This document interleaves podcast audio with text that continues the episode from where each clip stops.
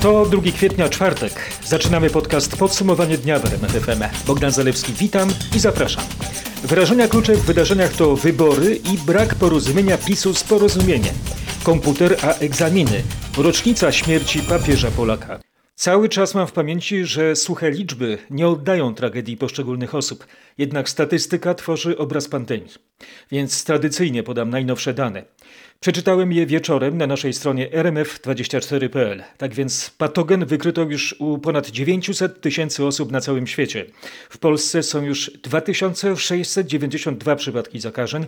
Ministerstwo Zdrowia w czwartek poinformowało o 138 nowych nosicielach koronawirusa i 7 zgonach. Według resortu Łukasza Szumowskiego od początku pandemii w naszym kraju zmarło 50 osób. A oto czym żyje świat polityki. Jarosław Gowin odrzucił ultimatum Jarosława Kaczyńskiego. Prezes PiS dał koalicjantowi wybór albo poparcie wyboru prezydenta tylko w głosowaniu korespondencyjnym, albo wyrzucenie wicepremiera Gowina i jego ministrów z rządu. Jak dowiedział się nieoficjalnie nasz dziennikarz Patryk Michalski, Jarosław Gowin ogłosił już politykom swojej partii, że nie poprze wyborów w maju, a w związku z tym muszą się spodziewać utraty stanowisk. Czy większość rządząca może się rozpaść? Jest to możliwe, jeśli prezes PiS nie wycofa się z pomysłu wyborów kopertowych i nie odwoła swojego ultimatum, które postawił Gowinowi. Sytuacja w obozie władzy jest bardzo poważna, trwa polityczna wojna nerwów. Jarosław Gowin liczy się z wyrzuceniem z rządu i jak zadeklarował swoim posłom, tym razem zdania nie zmieni. W rozmowie z najbliższymi współpracownikami wicepremier miał powiedzieć, że to wybór między życiem a śmiercią, dlatego pod żadnym pozorem nie godzi się na wybory w maju. Z moich informacji wynika, że konsultował się on w tej sprawie z wieloma lekarzami, ekspertami, a nawet ważnymi biskupami. Ostateczną decyzję podejmie Jarosław Kaczyński. Jeśli się wycofa z wyborów kopertowych, rząd przetrwa, ale politycy porozumienia są przekonani, że to początek bardzo poważnego kryzysu w obozie władzy, bo prezes PiS nie znosi sprzeciwu i z pewnością prędzej czy później odegra się na Gowinie i jego ludziach. Spolegliwość czy konsekwentny bunt Gowina? To był temat porannej rozmowy Roberta Mazurka z wicepremierem Jackiem Sasinem. Nasz dziennikarz zapytał, zapytał, co się stanie z projektem głosowania korespondencyjnego w wyborach prezydenckich, jeśli lider porozumienia się nie zgodzi na to rozwiązanie. W piątek Prawo i Sprawiedliwość chce przeprowadzić przez Sejm ustawy w tej sprawie. Zakładam, że Jarosław Gowin jest politykiem niezwykle racjonalnym i w związku z tym e, dostrzeże, że rozwiązania, które proponujemy, a które jeszcze zaproponujemy dodatkowo nie dzisiaj, na pytanie, dzisiaj, co, jeśli nie dostrzeże? dzisiaj są całkowicie całkowicie bezpieczne i można bezpiecznie dla wyborców ten Jeszcze akt wyborczy przeprowadzić. Pytanie. Co jeśli nie dostrzeże? Co jeśli jednak pan go nie przekona? Panie redaktorze, a co jeśli jutro będzie koniec świata? Naprawdę, no nie możemy rysować takich scenariuszy. Możemy, możemy jak rozmawiać. możemy, bo ja nie opieram się na tym, co o, mi się przyśniło, tylko na tym, co mówi Jarosław Możemy mówić o realnych zdarzeniach, e, a nie o tym, co być może nastąpi albo nie nastąpi. To jeszcze raz, żebyśmy spróbowali to również sobie technicznie wyobrazić, bo pana zdaniem co prawda jest kupa czasu, ale yy, tak padrobna mu. Jeżeli przyjmiecie tę ustawę w piątek, a Senat ją przyjmie za miesiąc, to ja jako wyborca, mieszkający w Warszawie i mający do swojego punktu wyborczego w sumie całkiem blisko, będę musiał dostać od kogoś kartę Tak do głosowania. Od kogo? Od pracowników Poczty Polskiej, bo, Od w- listonosza. bo Poczta Polska będzie operatorem tutaj. W, Czyli od w listonosza wyborach. dostanę. Tak jest. Ten listonosz, jak rozumiem, musi mi ją wręczyć osobiście, Nie, tak? niekoniecznie. Czyli może ją wrzucić do karty, do... No może, no tak jak się dostarcza korespondencję.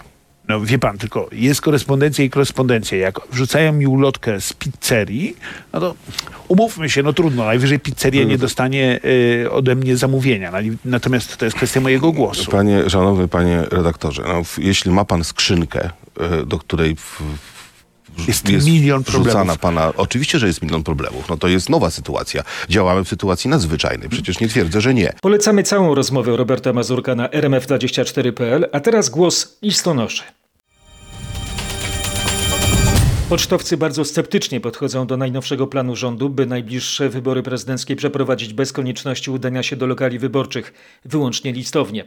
Krzysztof Brenda usłyszał od pytanych przez siebie listonoszy, że to będzie fikcja. Dlaczego? Dlatego, że ich zdaniem to logistycznie bardzo trudne. Po pierwsze, brakuje listonoszy, którzy mogliby to zrobić. No, u nas też jest absencja, tak? My też mamy już przypadki zakażenia pracowników koronawirusem, tak? Mamy też e, pracowników, którzy są e, na kwarantannie z różnych powodów. Powodów, tak? Mówi szef Związku Zawodowego Pracowników Poczty Sławomir Redmer. Dodaje, że dodatkowo mało który listonosz chce dodatkowo narażać swoje zdrowie i przede wszystkim zdrowie nas wszystkich. Poza tym jest bardzo mało czasu na przygotowanie tego. Jeśli jutro uchwali to Sejm, to Senat poczeka 30 dni, więc ustawa wejdzie w życie najwcześniej gdzieś 4 maja, więc zostanie do wyborów 6 dni. No i w tym czasie nie za bardzo da się to zrobić. Oczywiście ktoś mógłby powiedzieć, można przygotować się wcześniej, no ale ciężko organizować tak potężną i kosztowną operację logistyczną bez podstawy prawnej. To kolejny dowód na to, że ustawodawca działa w sposób nierzetelny i nieuczciwy, ocenia Wojciech Hermeliński. Z byłym szefem PKW rozmawiał na ten temat Paweł Balinowski. Według mojego rozmówcy zmiany wprowadzające głosowanie korespondencyjne dla wszystkich naruszają konstytucję, bo tak poważnych modyfikacji kodeksu wyborczego, zgodnie z wyrokiem Trybunału Konstytucyjnego, nie wolno wprowadzać później niż pół roku przed wyborami. Po drugie, na przygotowanie jest bardzo mało czasu, a będzie jeszcze mniej, bo nawet jeśli Sejm jutro przyjmie te zmiany, to Senat najprawdopodobniej przetrzyma je przez 30 dni, aż do początku maja. Zostanie kilka dni na doręczanie do skrzynek. Ja nic sobie nie wyobrażam tych tłumów listonoszy, którzy będą, nie wiem, chyba furgonami wozić te, te pakiety, rzucać do skrzynek. Osoby, które będą w kwarantannie, będą, nie wiem, no, zbiegały po schodach, a zarażały te osoby, które nie są w kwarantannie. Podkreśla Wojciech Hermeliński i dodaje to nie tylko narażanie ludzi na niebezpieczeństwo, ale też ryzyko potężnego chaosu i wielu potencjalnych błędów. Były analizy, ale pomysł upadł. Nie ma możliwości przeprowadzenia egzaminu ósmoklasisty za pomocą komputerów. Potwierdza to w RMFFM dyrektor Centralnej Komisji Egzaminacyjnej. Rozmawiał z nim nasz dziennikarz Marcin Zaborski. Doktor Marcin Smolik twierdzi, że taki zdalny egzamin byłby zbyt ryzykowny. Pozostaje więc tradycyjna forma w szkołach, jeśli epidemia odpuści. Jeszcze przed świętami powinno być jasne, czy uda się przeprowadzić ten egzamin zgodnie z planem od 21 kwietnia. Decyzja ma zapaść w przyszłym tygodniu. Jeżeli no, trzymać tutaj za słowo ministra Szumowskiego, to tak, bo tak powiedział, że do, przed świętami taka rekomendacja zostanie wydana. Już teraz wiadomo natomiast, że Centralna Komisja Egzaminacyjna będzie rekomendowała, żebyśmy nie przeprowadzali egzaminów w rękawiczkach, maseczkach i z żelem odkażającym w szkołach. Ja sobie takiego scenariusza nie wyobrażam, e, zwłaszcza w przypadku egzaminu ósmoklasisty, ale również maturalnego. To znaczy, że według szefa CKE egzaminy powinny się odbyć wtedy, kiedy będziemy mogli wrócić do normalności w szkołach bez rękawiczek i maseczek. Co jeszcze, na przykład o maturach, mówi dr Marcin Smolik, sprawdźcie na rmf24.pl. Polska będzie mogła wydać 11-12 miliardów euro z unijnych pieniędzy na walkę z koronawirusem, ustaliła nasza dziennikarka Katarzyna Szymańska-Borginą. Komisja Europejska ogłosiła możliwość przekierowania wszystkich dostępnych funduszy strukturalnych, by odpowiedzieć na koronawirus. Skąd pochodzi kilkanaście miliardów euro? To pieniądze, które nie zostały jeszcze zakontraktowane w obecnej perspektywie finansowej. Według Polskiego Ministerstwa Funduszy Europejskich Polska zakontraktowała do tej pory ponad 83% wszystkich funduszy. Tak więc można wyliczyć, że pozostałe 17% można wykorzystać na walkę z koronawirusem. To nie są nowe dodatkowe pieniądze, ale będzie można wykorzystać 11-12 miliardów euro na działania przeciwko pandemii. To są jednak pieniądze unijne, a nie pieniądze z polskiego budżetu i tak zamiast na przykład na planowane inwestycje infrastrukturalne czy na budowę kolejnych akwaparków będzie można wspomagać upadające firmy czy kupować sprzęt medyczny. Są pierwsze naukowe analizy śmiertelności pacjentów zakażonych koronawirusem poza Chinami. Dotyczą one Korei Południowej. O szczegółach Grzegorz Jasiński. Do 21 marca w Korei Południowej zarejestrowano 8799 zdiagnozowanych przypadków zakażenia koronawirusem. Zmarły 102 osoby. Naukowcy przeanalizowali teraz dane z różnych miast i prowincji kraju, uwzględnili przy tym efekt opóźnienia danych na temat przypadków śmiertelnych wobec danych na temat kolejnych diagnozowanych zachorowań. Okazało się, że średnia śmiertelność w całym kraju wyniosła 1,4% i jest zbliżona do opublikowanych ostatnio danych z Chin, które wskazywały na śmiertelność na poziomie 1,38%. Tylko dwóch zmarłych z Republiki Korei miało poniżej 50 lat, cierpieli na choroby współistniejące, niewydolność wątroby i nadciśnienie. Grupa naukowców z Poznania pracuje nad istotnym komponentem testu na obecność COVID-19. Jeśli ich badania zakończą się sukcesem we współpracy z naukowcami z innych ośrodków na świecie, stworzą test immunologiczny na obecność koronawirusa. Od przeprowadzanych dotychczas będzie różnił się tym, że pozwoli odpowiedzieć na pytanie, czy osoba, która przebyła chorobę, jest na nią w pełni uodporniona. Nasz reporter Mateusz Chłyston rozmawiał z szefem zespołu badawczego działającego w Wielkopolskim Centrum Zaawansowanych Technologii. To nie jest test lepszy czy gorszy, to jest test komplementarny do tego. On nie ma zastąpić testu genetycznego. Potrzebne jest testowanie zarówno genetyczne, jak i immunologiczne, e, bo inaczej nigdy nie wyjdziemy z tej pandemii. Jaki obraz o pacjencie może nam dać ten test? Test genetyczny daje obraz o tym, czy w tej chwili pacjent jest zarażony, a test immunologiczny daje, czy pacjent był zarażony lub też czy już jest w tej chwili odporny na to. Przede wszystkim jest to ważne ze względu na służby medyczne, e, policjantów oraz wszystkie inne służby, które w tej chwili są tak nam potrzebne. Na czym konkretnie polega w tej chwili praca naukowców? Czekamy na plazmid, który przyjdzie do nas z Wiednia. W ciągu dwóch dni powinniśmy mieć wszystkie odczynniki. Co dalej? E, Zaczniemy produkcję komponentów testu. Mam nadzieję, w ciągu paru tygodni będziemy w stanie powiedzieć, że mamy prototyp testu. Kibicujemy polskim uczonym, mówił profesor Jakub Rybka. 460 mandatów za złamanie zasad przemieszczania się i gromadzenia wypisali policjanci od początku obowiązywania tych obostrzeń. W 80 przypadkach skierowali do sądu wnioski o ukaranie osób, które nie podporządkowały się ograniczeniom. Wysokość tych mandatów to było zazwyczaj 500 zł. To były te sytuacje, gdzie osoby albo przemieszczały się w innym celu niż do zakładu pracy, czy z zakładu pracy, czy w związku z pomocą udzielaną osobom mogącym być zarażonym, czy niezwiązane z ważnymi potrzebami życiowymi, czy też te osoby grupowały się po prostu w większe grupy aniżeli dwie osoby. Jak dodał Mariusz Ciarka z Komendy Głównej Policji, teraz za złamanie ograniczeń policjanci mogą kierować wnioski o ukaranie do sanepidu. Ta instytucja może ukarać grzywną w wysokości od 5 tysięcy do 30 tysięcy złotych. Taka decyzja ma rygor natychmiastowej wykonalności. Opiekunowie i organizacje zajmujące się osobami z niepełnosprawnościami apelują do rządu o pilną pomoc w walce z koronawirusem. Grozi nam śmierć wielu najsłabszych, mówi w RMFFM Aleksander Waszkiewicz z Kongresu Osób z Niepełnosprawnościami. Grzegorz Kwolek dowiedział się, czego dotyczą te obawy.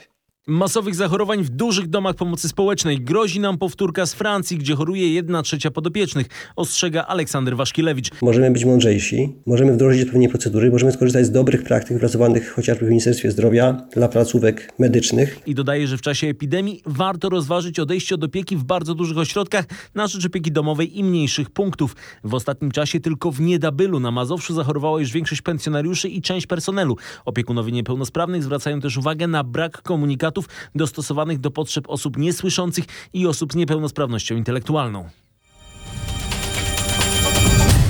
Kwarantanna w kolejnym domu pomocy społecznej na Mazowszu. Objęto nią placówkę w Tomczycach w powiecie grujeckim.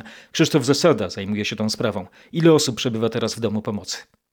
To 88 podopiecznych oraz 23 osoby z personelu. Oprócz tego kwarantannę domową zarządzono dla 25 członków kadry, którzy przebywają poza ośrodkiem.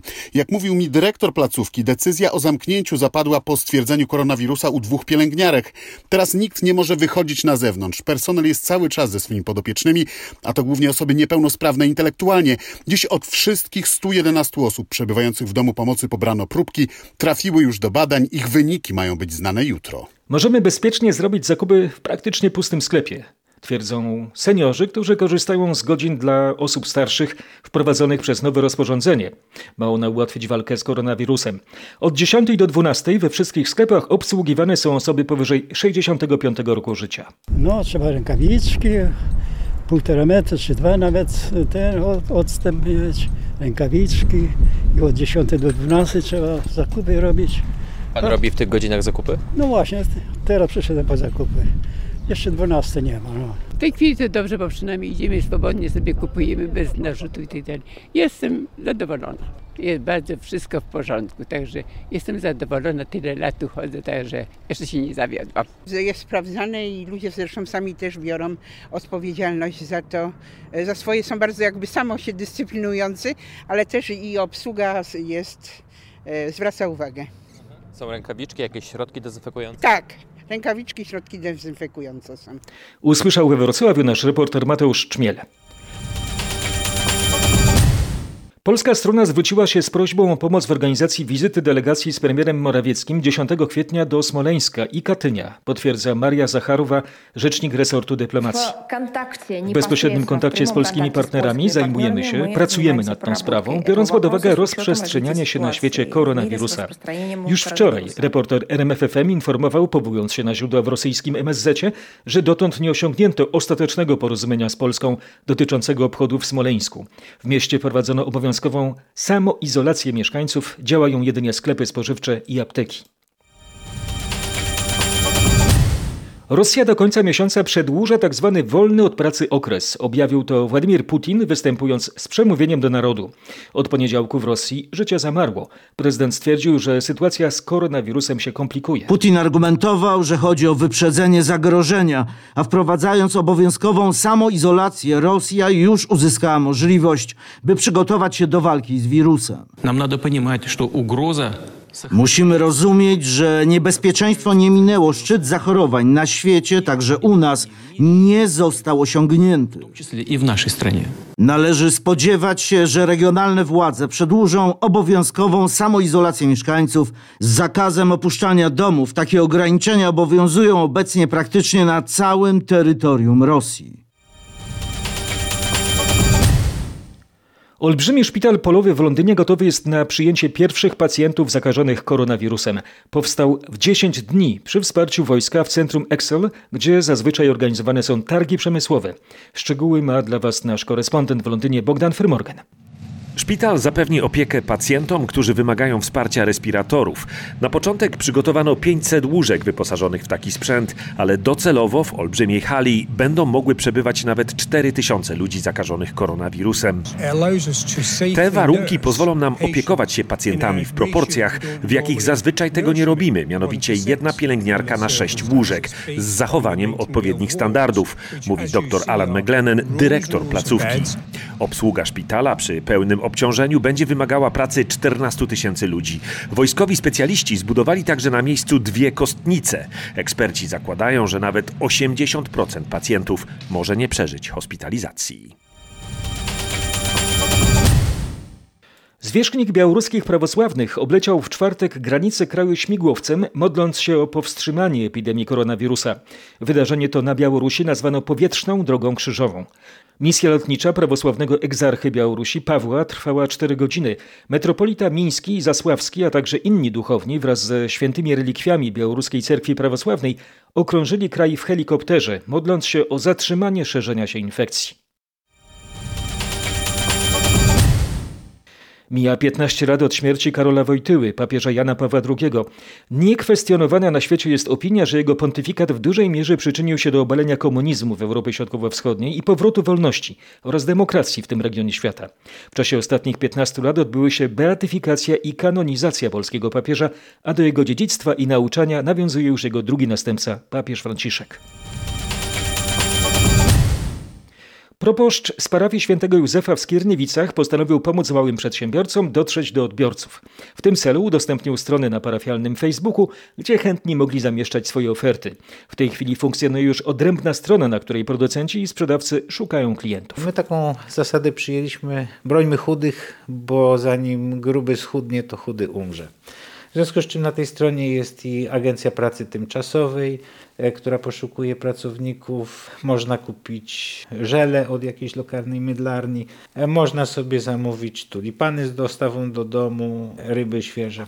Jak ludzie się zgłaszają? Czy trzeba przejść jakąś weryfikację, czy każdy może się tam ogłosić? Weryfikacja jest bardzo prosta. Nie bierzemy grubych biznesów. Z księdzem Adamem Kwaśniakiem, proboszczem z parafii świętego Józefa, rozmawiała nasza reporterka Magdalena Greindert.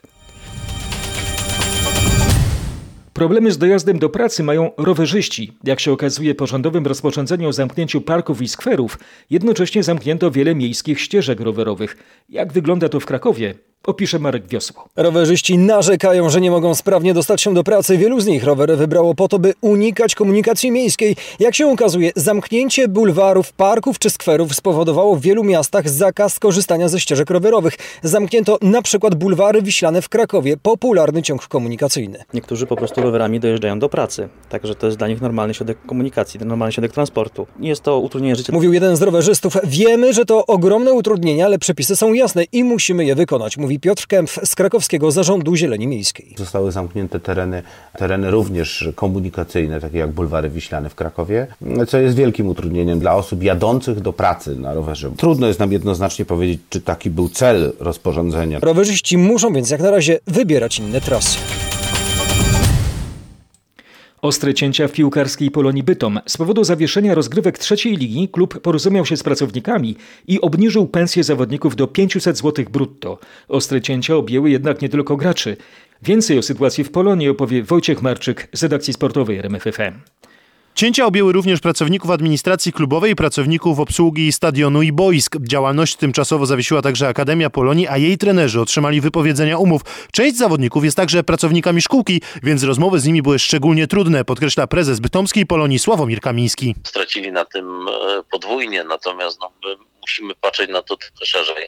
My też nie wiemy, jak po powrocie do rozgrywek będzie wyglądała w ogóle piłka na poziomie trzeciej ligi. Może drużyny będą musiały być całkiem amatorskie. Miesięcznie cięcia mają przynieść około kilkudziesięciu tysięcy złotych oszczędności. Wszyscy pracownicy sytuację przyjęli ze zrozumieniem, bo chcą pomóc ratować zasłużony klub, który miesiąc temu świętował swoje stulecie. Katarzyna Sobiechowska-Szuchta zaprasza do lektury książki bardzo na czasie. To jest tytuł najnowszej książki Sary Knight. Przypadkowo stała się ona bardzo aktualna, a czytelnik znajdzie tam porady i wskazówki na temat tego, jak nie martwić się na zapas i jak radzić sobie z natłokiem negatywnych myśli. Jak radzi autorka, zachowaj równowagę, napisz coś albo po prostu zrób coś dobrego. Możesz pomóc finansowo komuś bliskiemu, przyjacielowi albo sprzedawcy, który mocno odczuł kryzys. Możesz zadzwonić do swoich starszych krewnych z pytaniem, co u nich słychać. Możesz też polecić książki, muzykę, filmy, żeby pomóc innym ciekawie spędzić czas, a artystom pomóc zarobić na życie, proponuje autorka tej książki. I jeszcze teatr z Nowej Huty w nowej odsłonie. Krakowski Teatr Łaźnianowa, podobnie jak inne placówki w Polsce, przeniósł się do sieci. Środy i piątki będą należały do pisarki Zośki Papużanki i aktorki Agnieszki Przepiórskiej, które przygotowują internetowy serial w związku z zaistniałą sytuacją. Taki będzie nosił tytuł, premiera jutro, a główną bohaterką jest matka dwójki dzieci i żona, której mąż utknął na drugim końcu świata. Teatr Syrena wraca z kolei do hitu sprzed lat, do komedii z wątkiem sensacyjnym ze Zbigniewem Zamachowskim, Wojciechem Malajkatem i Piotrem Polkiem w rolach głównych. Klub Hipochondryków można zobaczyć za darmo online od jutra do poniedziałku włącznie. Główni bohaterowie tego przedstawienia to mężczyźni, którzy mają wszystkie objawy kryzysu wieku średniego i są bardzo przewrażliwieni głównie na swoim punkcie. Nie bądźmy hipochondrykami. Zostawmy to teatralnym postaciom. Bogdan Zalewski, dziękuję za uwagę. Znów sceną mojego podcastu było Biurko w domu. A propos, znalazłem wiersz Piotra Somera, świetnego poety i tłumacza. Wiersz sprzed lat, ale jakby całkiem aktualny. Mój przyjaciel siedzi przy osobnym biurku, więc ma spory margines i niczego nie firmuje, bo on sobą tworzy takie biurko w biurku.